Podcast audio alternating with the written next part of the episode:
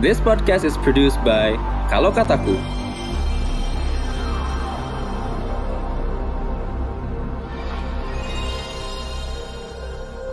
Halo semuanya, kembali lagi di podcast kemarin sore. Jeng, jeng, jeng? Suara. Ini Soalnya ragu. apa Ya. harus diapresiasi di Iya. usahanya untuk meramaikan. Benar, benar, benar. Luar biasa memang. Iya, Tolong nanti editor ditambahin lagu ya, biar nggak sedih gitu. iya, iya. Ya. Ya, em, hari ini tanggal 19 Juni, hari Rabu tanggal 19 Juni, udah hampir satu bulan sejak em, kerusuhan di tanggal 21-22 Mei. Dan sudah hampir satu bulan juga sejak eh, pembatasan akses ke sosmed eh, oleh pemerintah. Waktu itu 25 ya. 21 sampai 25. Ya, Hei, 21 satu dua. 21 sampai 25. ya, gimana? Enggak apa-apa. bulan bulan bulan kemarin tanggal 21 sampai 25 Mei ada mungkin bisnis yang gagal gara-gara itu atau mungkin ada Kencana cewek ya kencan yang gagal gitu ada cewek yang marah-marah Kayak influencer ada yang langsung turun ini followersnya. Emang ada? iya Bisa jadi.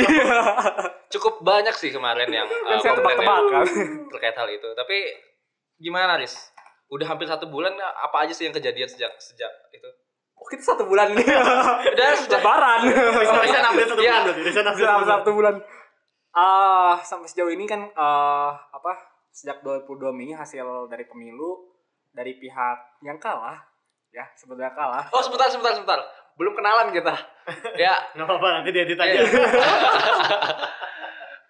Oke, belum kenalan ya. Gue Ave. Kali ini biasanya biasanya Faris yang ngelit jadi uh, uh, hari ini gue yang ngelit. Lalu sebelah gue ada Faris Saya Dani. Saya Capricorn. ya gimana Riz lanjutin Riz? Ya, eh, untuk update selama satu bulan ke depan dari fenomena kondisi sosial politik Indonesia, Sebelah ke belakang kali. ini satu bulan ke belakang ya. Iya. Eh, setelah pemilu dari pihak 02 gitu ya mengajukan sidang MK dan sampai hari ini sudah masuk yang kedua ya masalah ya sidang MK yang Ini lo mau ceritain lucu-lucunya? Apa gimana? Iya, atau mau pengennya iya Atau mau overview? Tapi semuanya lucu semuanya lucu saya bingung ini J- Jadi satu episode dah. tidak janganlah tahan-tahan ya kita kan sudah sepakat untuk tidak membahas yang ininya kan Iya. yang lainnya aja terus eh kemarin yang terba yang paling mungkin yang paling hangat banget itu kemarin kematiannya eh ma- mantan ya ex presiden Oh, Mesir bisa update sih. Gue pikir, ya ya betul. betul, update kan bener itu baru loh Oh iya. yang katanya begitu Oh iya. intinya eh, cukup mengguncang dunia gitu ya terus eh sebenarnya yang paling lucu itu adalah tiba-tiba ada set lagi nih di berita tuh Oh iya. Oh, ditemukan iya, beliau sudah membeli iya. Oh, Beli makan ya? Eh, bukan Beli ke toko Toko toko apa sih? toko besi oh salah eh toko sih? rumah sama gitu. istrinya Iya kan? Sama istrinya kan? ini orang doyan sekali ya keluar ini Oh, iya. apa Bisa gitu. Ih, bisa gitu ya Ngomong-ngomong soal teori konspirasi, gue punya teori sendiri tuh tentang itu.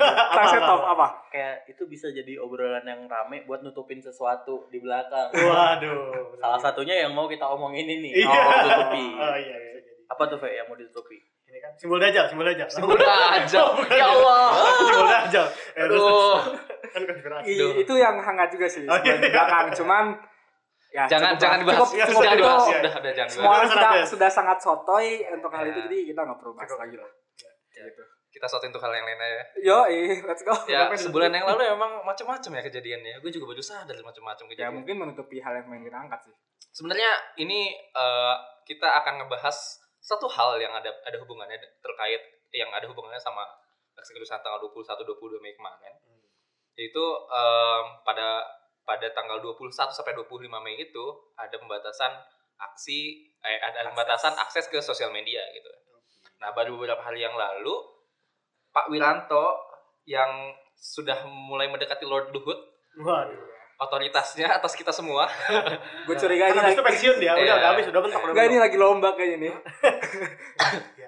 Ya, jadi Pak Wiranto kemudian kemarin beserta eh, Kapolri beserta dengan eh, Jenderal TNI kemarin buat apa konferensi pers eh, terkait dengan eh, apa ya bahasanya kemarin dia bilang pengamanan pengamanan eh, pengamanan penangkal hoax penangkal Oh, hoax. keamanan nasional Ah, iya, iya. dan eh, bagaimana cara menjaga keamanan nasionalnya itu yaitu dengan eh, menangkal hoax dan segala macamnya lah di grup WhatsApp terutama gitu ya, di grup pendekatan WhatsApp. terorisme 3.0 lah ya Ya, Oh baru tiga ya? baru tiga Tiga. Dua waktu oh iya pas undang-undang terorisme ya. dua itu ini I- ISIS Oh pasti sih. Iya undang-undang terorisme kan. dua itu Al Qaeda justru Oh ini tiga. tiga ini Oh, Ya. iya. Memang eh ya kalau kita ngelihat sebulan ke belakang memang banyak yang kejadian ya. Em, kalau sedikit latar belakang ya lihat aja lah gitu laporannya Tempo di bulan Mei kemarin itu agak-agak ini. Laporannya ada yang hoax juga kan? ada yang Ya, makanya Anda jangan download-download Ya. ibu. Laporan aja. Belilah, ya. belilah yang nyata gitu. Iya. Kita kita yakin pendengar eh, podcast kemarin sore pintar-pintar ya. Waduh. Semoga Makin sedikit. ya. Ya, jadi em, kita kemudian eh, dihadapkan pada pemerintah yang mulai masuk ke ranah ini nih, ranah eh, ranah media sosial di mana kita eh, di di awalnya dijamin untuk eh, dijamin untuk bebas berkirim pesan secara eh, dengan dengan keamanan dengan keamanan privasi yang dijamin gitu ya dengan keamanan privasi yang dijamin. Ada ada privacy privacy policy untuk em, menjamin itu gitu. Ada privacy policy untuk kemudian em, me- memastikan bahwa eh, pri- apa privasi kita terjaga gitu. Nah, Oh, ya. sebenarnya Oke. privacy policy ini sejak masa-masa Facebook, sejak masa-masa sosial media kan sebenarnya Ya. udah mulai bermunculan ya gitu Ya, ya. ya, ya. Ini privacy policy 2.0 mungkin ya. Eh, udah masuk masa-masa digital. Jadi se- eh, sebenarnya em, gimana sih eh, secara umumnya? Secara umumnya privacy policy di dunia digital itu sebenarnya kayak gimana sih? apanya nih ya, apa ya? Terus anda. Secara umum, secara umum aja ditahan. privacy policy uh, privacy policy itu bagi kita nih para kon- para Ah. konsumen konsumen Iya, media iya. sosial gitu sebenarnya Hmm. kita tuh punya hak-hak apa sih yang dijaga sama privacy policy masing-masing sosmed gitu ya secara umumnya aja Eh, Sebut satu-satu, sebut satu-satu. nggak tahu gue itu. Yang WA gitu. Belum. belum Belum, lu belum. jadi sebenarnya tahu. Eh, salah satu yang paling ramai itu kemarin kasusnya adalah eh privacy policy yang dimaksud AV itu maksudnya kalau lo baru daftar di satu aplikasi ada ya. Oh, agree yang- and continue itu Ah, kan ah, ah. terus yang Terms and disuruh- condition, TNC. Terms and condition. yang, yang pernah kita dulu. baca itu Betul. Karena bahasa Inggris. Kalau bahasa Indonesia dibaca mungkin. sebenarnya itu ada ada ada benarnya sih tidak membaca itu karena kemarin Kenapa? sempat ada uji coba tujuh orang dari kongres apa gitu disuruh ngebaca. Jadi kalau privacy and policy-nya Apple itu ada 2.800 kata Hmm. yang mau lu baca. Aha. terus itu setelah diuji coba ke tujuh orang kongres yang membaca mereka juga nggak ngerti mereka barusan baca apa. Jadi sebenarnya itu hal yang sia-sia untuk membaca privacy and policy. Tapi kalau eh misalnya dibawa ke hal-hal umum ini beda-beda tiap aplikasi sih. Ya. kalau misalnya kayak eh, aplikasi yang semacam Messenger. email dan lain-lain itu Yahoo, Yahoo. biasanya ya tracking mengizinkan kita untuk digunakan location trackingnya Ya. mengizinkan kita untuk Kita mengizinkan ada akses ke media juga ada kan. Kalau Ya, handphone akses, ke media galeri, galeri. Ya. dan sebenarnya data-data pribadi yang sangat menguntungkan tiap perusahaan kalau misalnya data itu bisa di cross check ya jadi sebenarnya lebih ke itu sih gua nggak ngerti pertanyaan lu Pe, soalnya Gak apa-apa cukup cukup menjelaskan loh Atau atau secara secara umum ininya kan uh, bahwa pada saat lo menjadi user, Mhm. berarti kan ada perjanjian yang dibentuk antara si pembuat aplikasi sama Hmm. usernya. Ah, penyedia layanan. Batasan-batasan, iya penyedia layanan. Batasan apa yang boleh dilakukan dari si penyedia layanan, lalu apa yang kita bakal dapatkan juga, dan juga termasuk uh, penggunaan data-data kita yang kita berikan tuh kan kalau misalnya kita berikan secara konsen kan artinya boleh Ya. digunakan kan sementara ya bentukannya ada di sana. sebenarnya bentukan ada data yang tidak boleh disebarkan itu juga selama ini diakalin gitu jadi iya. jadi kan data lo misalnya nama tanggal lahir dan lain-lain gitu-gitu eh, favorit hotel lo misalnya ruangannya menghadap ke laut dan lain-lain nah data itu kan misalnya lo masukin atas nama Prayoga Capricorn tuh Oh iya. nah oleh si oleh si eh, Facebook Jadi, ya. misalnya data itu jadi di anonymous kan Ya. tapi preferensi lo tetap Ya. jadi data itu di encryption kemudian dijual ke orang. Nah, orang ini yang kemudian mendekrip lagi. Jadi pada awalnya data lo dibikin anonymous, tapi di ujungnya dia akan menemukan lo lagi secara otomatis. Oh iya. Jadi mereka mencari cara siklus gimana caranya supaya tidak melanggar aturan, tapi ujungnya mereka tetap dapat lagi. ngelikin datanya itu. Hmm, Jadi memang hak hak paling basic itu memang kan di persetujuan dulu pertama. Iya. Kedua hal yang paling basic memang soal privacy itu adalah gimana em, gimana data dan data, data, data data tentang diri kita ini nggak gampang diakses sama orang lain gitu. Iya benar. ya enggak Ya.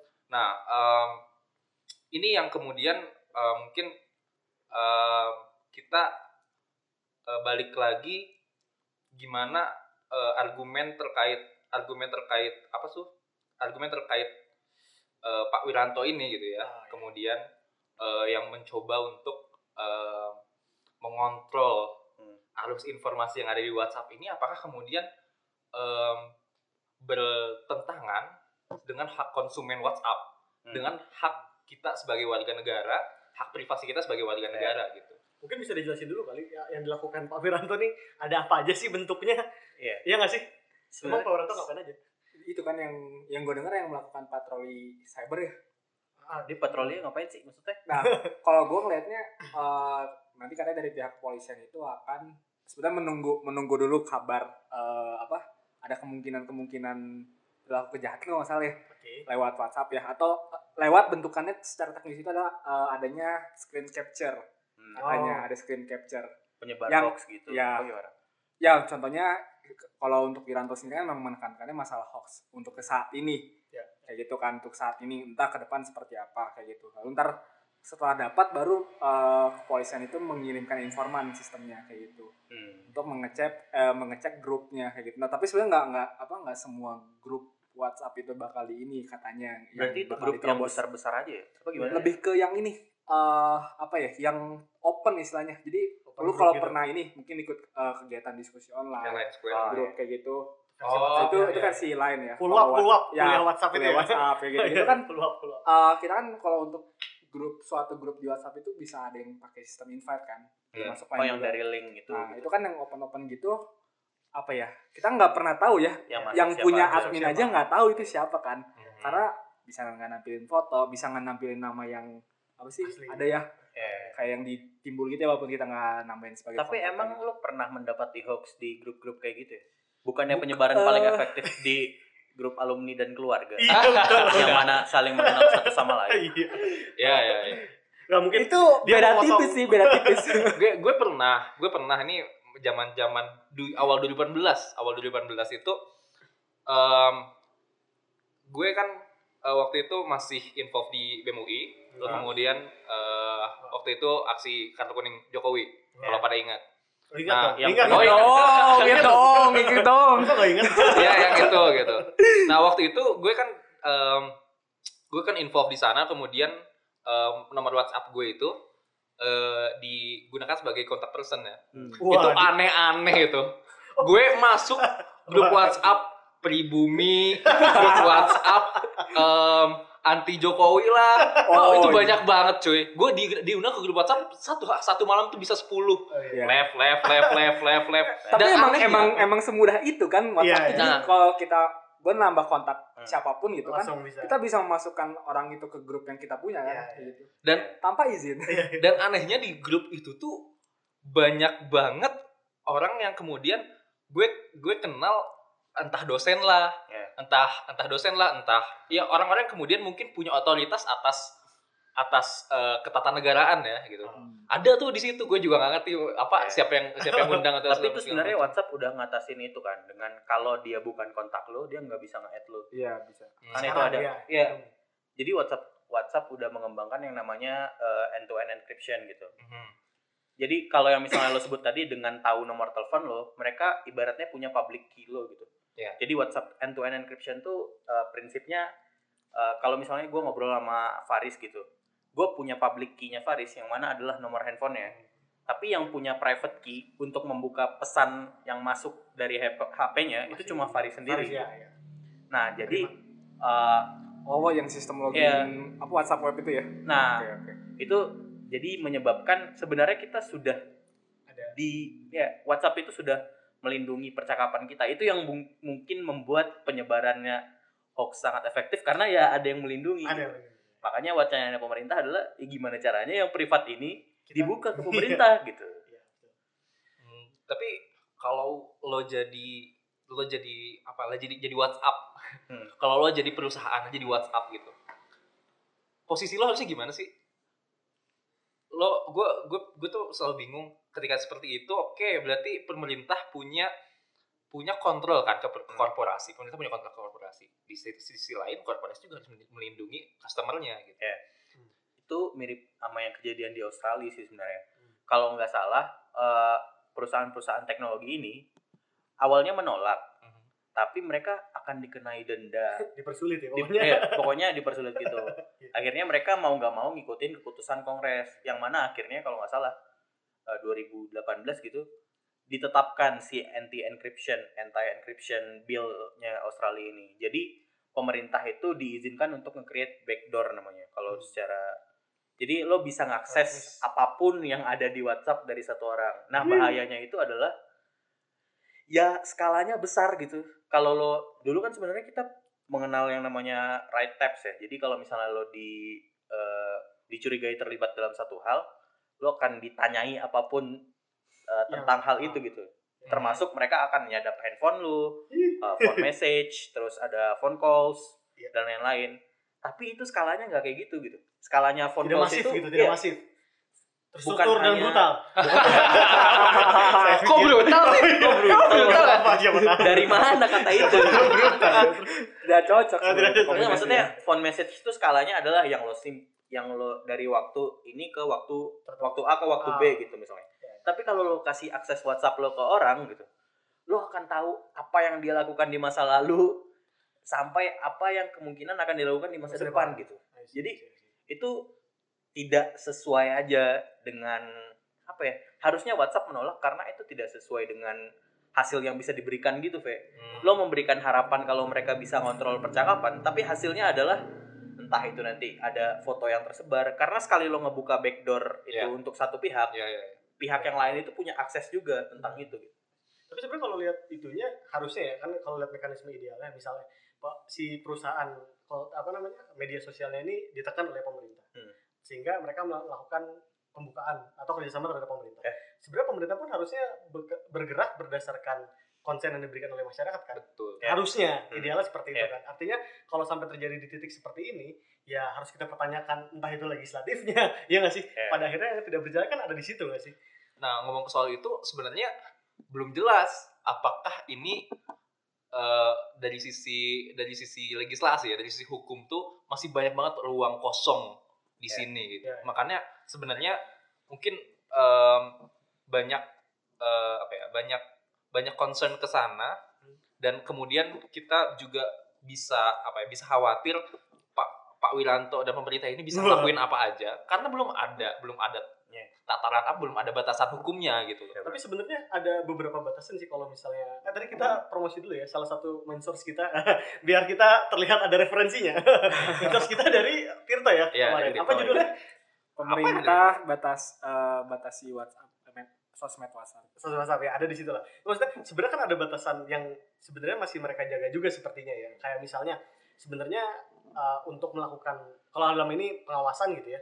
Pengawasan secara umum untuk kesemuanya itu kan sebenarnya tidak boleh dilakukan. Ya, Kenapa? Karena pengawasan harusnya dilakukan begitu kita udah tahu ada laporan. ada laporan ada laporan atau ada bahkan bukti. ada laporan dan akan ada bukti Hmm. dan harusnya dilakukan oleh penyidik Ya. ya kayak gitu jadi sebenarnya kalau mau menerapkan ini yang arahnya mirip kayak di Australia tadi akan melanggar hal, -hal tersebut kan Ya. itu pertama kedua ini kan berarti juga mener- menerapkan ah, kalau misalnya mau bilang oh ya udah kalau kita kita mau jaga semua masyarakat nih mau kita awasi semua karena bisa jadi ada kesalahan berarti kan itu melanggar asas praduga tidak bersalah dong Ya. dari dari kacamata itu karena menganggap bahwa masyarakatnya bersalah maka harusnya kalau kayak gitu juga pemerintah melangkahi hal tersebut sih harusnya di Indonesia belum bisa nggak tahu sih kalau dia kali Nih ya, gue nge-quotes langsung dari artikel Tirtonya. Ini eh, kata Kombes Pol Rikinaldo Khairul. Itu Nah. dia adalah Kasubdit 2 Direktorat Tindak Pidana Siber Barreskrim. Cyber dong. Siber. Cyber dong. Siber loh. kalau Indonesia ya Ini kalau Indonesia siber. Oh, iya. iya siber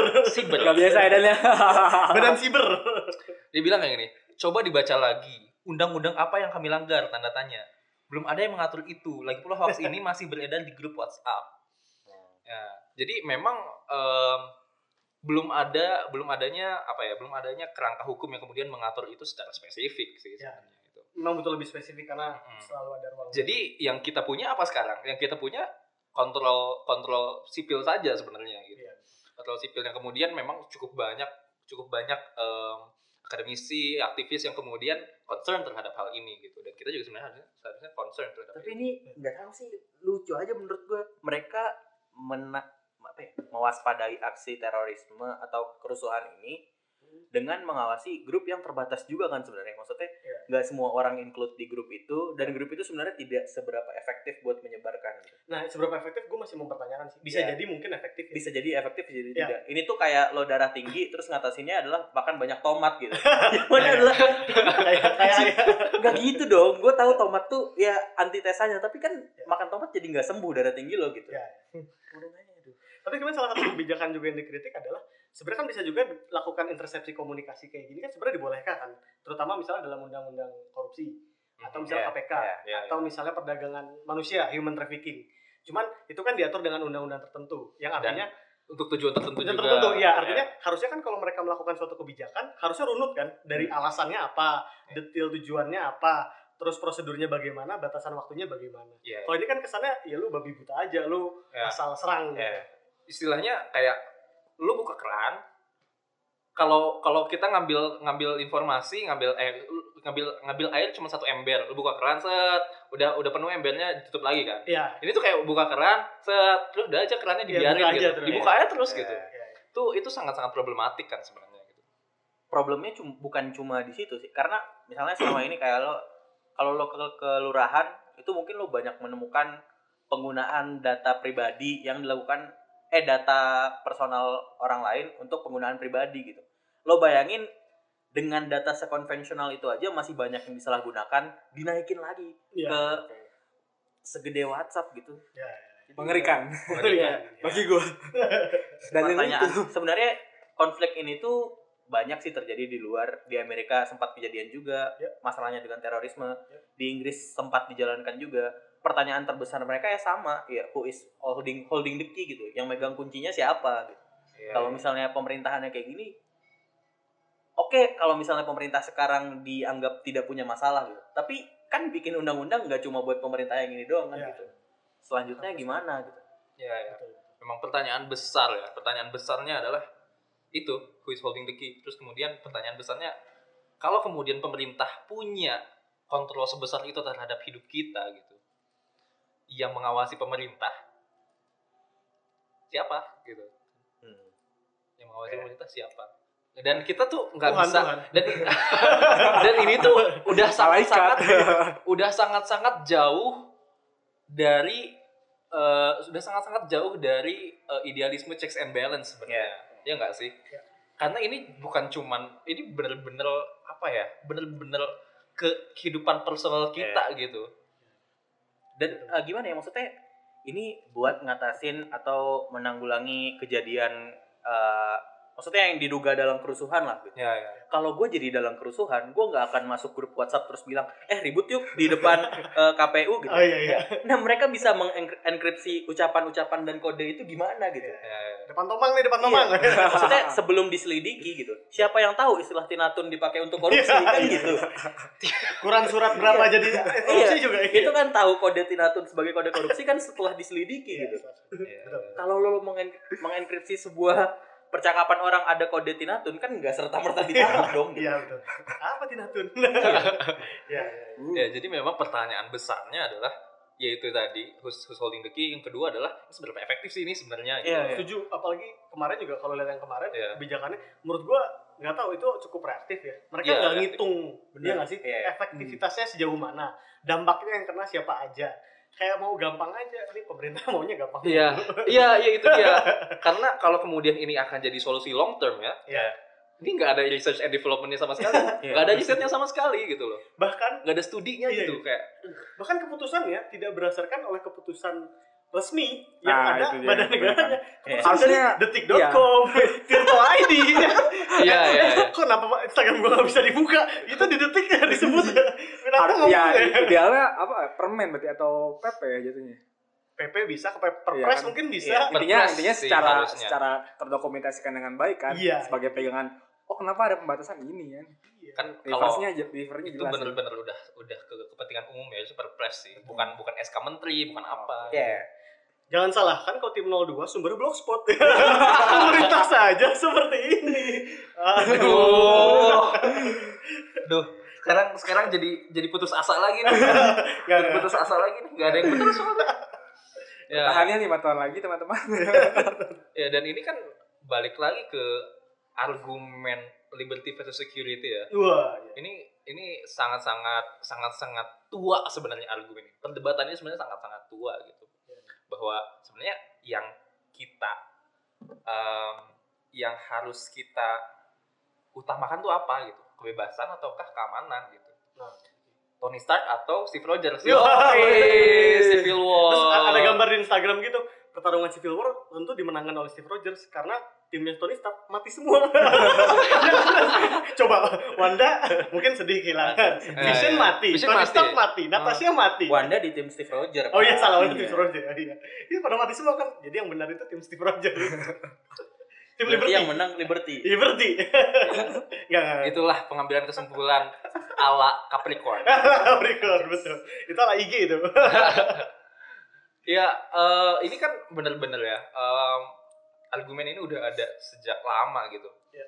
Em, ini ini kita jadi jadi pakai pakai contoh aja ya. Ke di di Winter Soldier loh kan Captain Amerika lagi. Di Winter Soldier tuh kan Ini ada eh, Shield itu udah punya udah punya algoritma Zola gitu kan.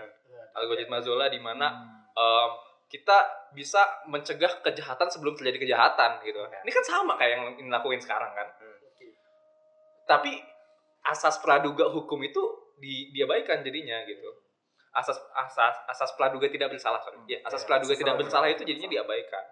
Gimana caranya? Bukan bukan cuma asas praduga tidak bersalah gitu. Asas asas mendahului takdir itu. Mendahului takdir. mendahului takdir. baru ya ini baru ini Iya, kita gimana caranya kita kemudian bisa adil terhadap hal-hal seperti itu gitu. Dan juga kalau ditarik ke detektif Conan. Tidak. ini Bagus, aduh Ini yang bikin poster sih Civil War, Conan ya. Kalian tahu kenapa kita tidak selesai kuliah? belum, belum, belum selesai. ya Allah Faris diam aja makannya. Astagfirullah Kenapa? Karena karena? Faris paling rajin ya. Iya, paling rajin. Iya, iya. Oh, dia, dia Kita binge watch, kita binge watch semua semua film ya kan. Iya, betul.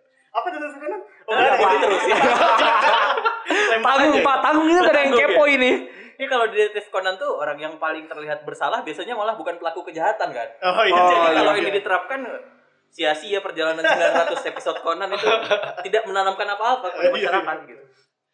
Aduh, aduh. Tapi tapi gue mau ngutip uh, kalimatnya Benjamin Franklin Ya. terkait pertarungan security versus liberty ini. Di film apa dia? Oh nggak ada, nggak ada. jangan jangan jangan udah udah Kalau ini sumbernya Faris, Wikipedia. Nggak, dia, dia bilang eh, ini terjemahan aja lah ya. Ya. Kebetulan banyak orang Inggrisnya kan di sini. Intinya adalah buat siapa pun ya, buat anda-anda yang menyerahkan kebebasan kalian, walaupun hanya sedikit, untuk mendapatkan sedikit keamanan, maka tidak pantas untuk mendapatkan kebebasan maupun keamanan itu sendiri. Tapi bayang nggak? Iya, iya. Ah ya, terus gue ini kan maksudnya ini si ini Bapak Benjamin Franklin nih, Bapak ideal of uh, Amerika, terus memang semangatnya kan Founding father-nya. founding fathers-nya memang semangatnya kan kebebasan itu sendiri. Maksudnya nggak tahu sih kan dalam tataran ideal dia yang gue tangkap adalah kalau misalnya lo punya uh, kebebasan yang mutlak, enggak, kebebasan yang paripurna, mungkin kita bisa sebut kayak gitu ya. Kebebasan yang nggak melanggar hak orang lain, kebebasan yang lo tahu batasannya di mana, itu harusnya masalah security itu nggak jadi nggak jadi ini kan nggak jadi apa namanya? Permasalahan. nggak jadi permasalahan concern. nggak jadi concern nggak jadi topik. Dalam tataran idealnya. Kan tapi ternyata kan dalam praktiknya tidak seperti itu kan. Iya. mungkin kalau gue mau ngambil sedikit ada dari teori konfliknya Karl Marx. Weh, hasil kompem.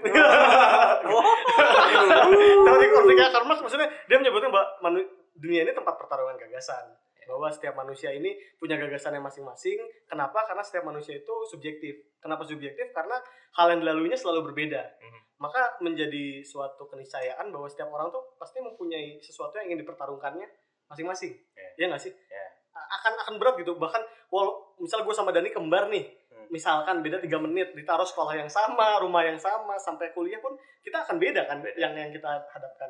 Nah maksud gue nggak tahu sih, gue kebayang di situ jadi ngebentuk siklus ya kalau yang gue lihat. Jadi kayak misalnya gini, ini ada liberty nih Ya. diberikan. Libertinya, liberty itu kan menyemai semangat semangat untuk kebebasan dan berpikiran serta berbiologi sesuai dengan realitanya masing-masing kan? Ya. Ya nggak? Dari sana pasti ada pertarungan gagasan. Pada saat ada pertarungan gagasan, pasti ada yang menang, ada yang kalah. Atau dalam hal ini ada yang mendominasi dan ada yang terdominasi. Iya. Pada saat hal itu terjadi, maka akan muncul sesuatu yang namanya ancaman. Ya. Ya nggak sih? Maka yang namanya pertarungan maka akan jadi ancaman. Begitu Iya. ancaman muncul, biasanya terjadi momen-momen yang cukup bikin chaos. Ya security hasrat ingin sekuritasnya muncul. Iya. Nah, begitu di sana menjadi ha- hasil alamiah juga di sini pemegang otoritas tertingginya untuk memberikan oh ya udah kita harus membatasi sesuatu Akses libertas. akses libertasnya. Dari sana nanti akses libertasnya dibatasi, lama-lama juga exceeding the limit, habis itu otoriter. lagi. Iya. Wah, ini ya. Iya, otoriter begitu nanti ada ada lagi masyarakat yang protesting, oh ini kenapa begini? Lalu liberty naik lagi. Tapi siklusnya menurut gua muter ke arah sana sih. Ya. A- Akan memenuhi hal tersebut. Dan juga tapi ada kemungkinan lain, ada kemungkinan di mana bahkan menganggap bahwa kayaknya security sama liberty ini bukan suatu isu. Nah, pandangan ini muncul di mana? Kalau menurut gue sih yang gue tangkap, pandangan ini muncul pada saat terjadi jami, uh, pertarungan keamanan dan liberty di kondisi-kondisi di mana ada mayoritas dan ada minoritas. Hmm. Karena di sana definisi dari ketidakamanannya adalah pada saat keyakinan atau nilai dari si mayoritas diganggu oleh si minoritas. Hmm. Contoh LGBT. Bagi orang yang mayoritas LGBT, maka pasti akan, oh ini tidak aman nih, LGBT harus diberikan sesuatu. Ya. Kayak gitu. Atau misalnya, eh, mungkin kalau mau ngambil contoh misalnya Ahmadiyah, misalnya, contoh ya. Atau pemeluk agama lainnya gitu misalnya. Nah, di sana biasanya patternnya adalah security dan liberty bukan suatu problem, tapi nanti akan terjadi pembatasan hak, bahkan mungkin hak dasar bagi yang dianggap sebagai ancaman keamanan itu sendiri. Iya, jadi kayak ya udahlah kita matikan saja karena dia adalah bentuk dari ancaman terhadap keamanan dan libertinya adalah liberty milik mayoritas. Jadi kayak menurut gua nggak tahu sih ya penyakit demokrasi ya. Kan Ya. biasa penyakit penyakit mayoritas kan. Tapi itu Penyakit. quote-nya Karl Marx lo belum lengkap. Apa tuh? Kehidupan itu pertarungan dari ide, Ah, iya. pemilu pertarungan agama. Iya. Iya iya iya iya iya. Di mana itu? Di mana itu? Bukan negara kita kan. itu itu Raden Karl Marx. ya, ya kalau dibawa ke ranah yang tadi Agoy bawa ya, Agoy Agoy sampaikan ya memang Capricorn maaf. eh, ya, Iya. memang ya kelihatan cukup banyak kasusnya di dunia ini gitu. Iya, bahkan Ya, kita kan tahu Uighur di Cina juga seperti Iya, itu. Contoh yang paling baik untuk siklus itu mungkin setelah India bebas, terus mulai dipapah oleh Mahatma. Ah. Terus saat Gandhi passed away langsung balik lagi tuh. Iya, siklus. iya. Kayak gitu-gitu. Ya, ya. Dan biasanya ciri-cirinya adalah banyaknya peraturan-peraturan yang dianggapnya melanggar ketertiban umum. itu tuh, oh ini nih aturannya melanggar apa? Enggak ada, pokoknya mengganggu ketertiban umum. Harus diberhentikan. ketertiban umum Iya, ya. ketertiban umum. Tapi tapi pada akhirnya kalau mau kompromis kayak kalau mau bikin garis skala gitu ya, bahwa ujung kanan liberty, ujung kiri security. Mhm. Kayak kalau pada akhirnya kan sebisa mungkin harusnya nemu titik keseimbangan antara dua itu kan. Iya, iya. yang nggak tahu sih kalau menurut gua harusnya compromising titik liberty sama security itu harus diisi oleh dua hal. Yang pertama consideration yang benar-benar matang. Mhm. Yang kedua open public discussion. Ya. Jadi hasilnya tuh emang benar-benar hasil dari ya kan kalau semangat demokrasi adalah diskusi gagasan harus ada gagasan yang Ya. menyetujui hal tersebut.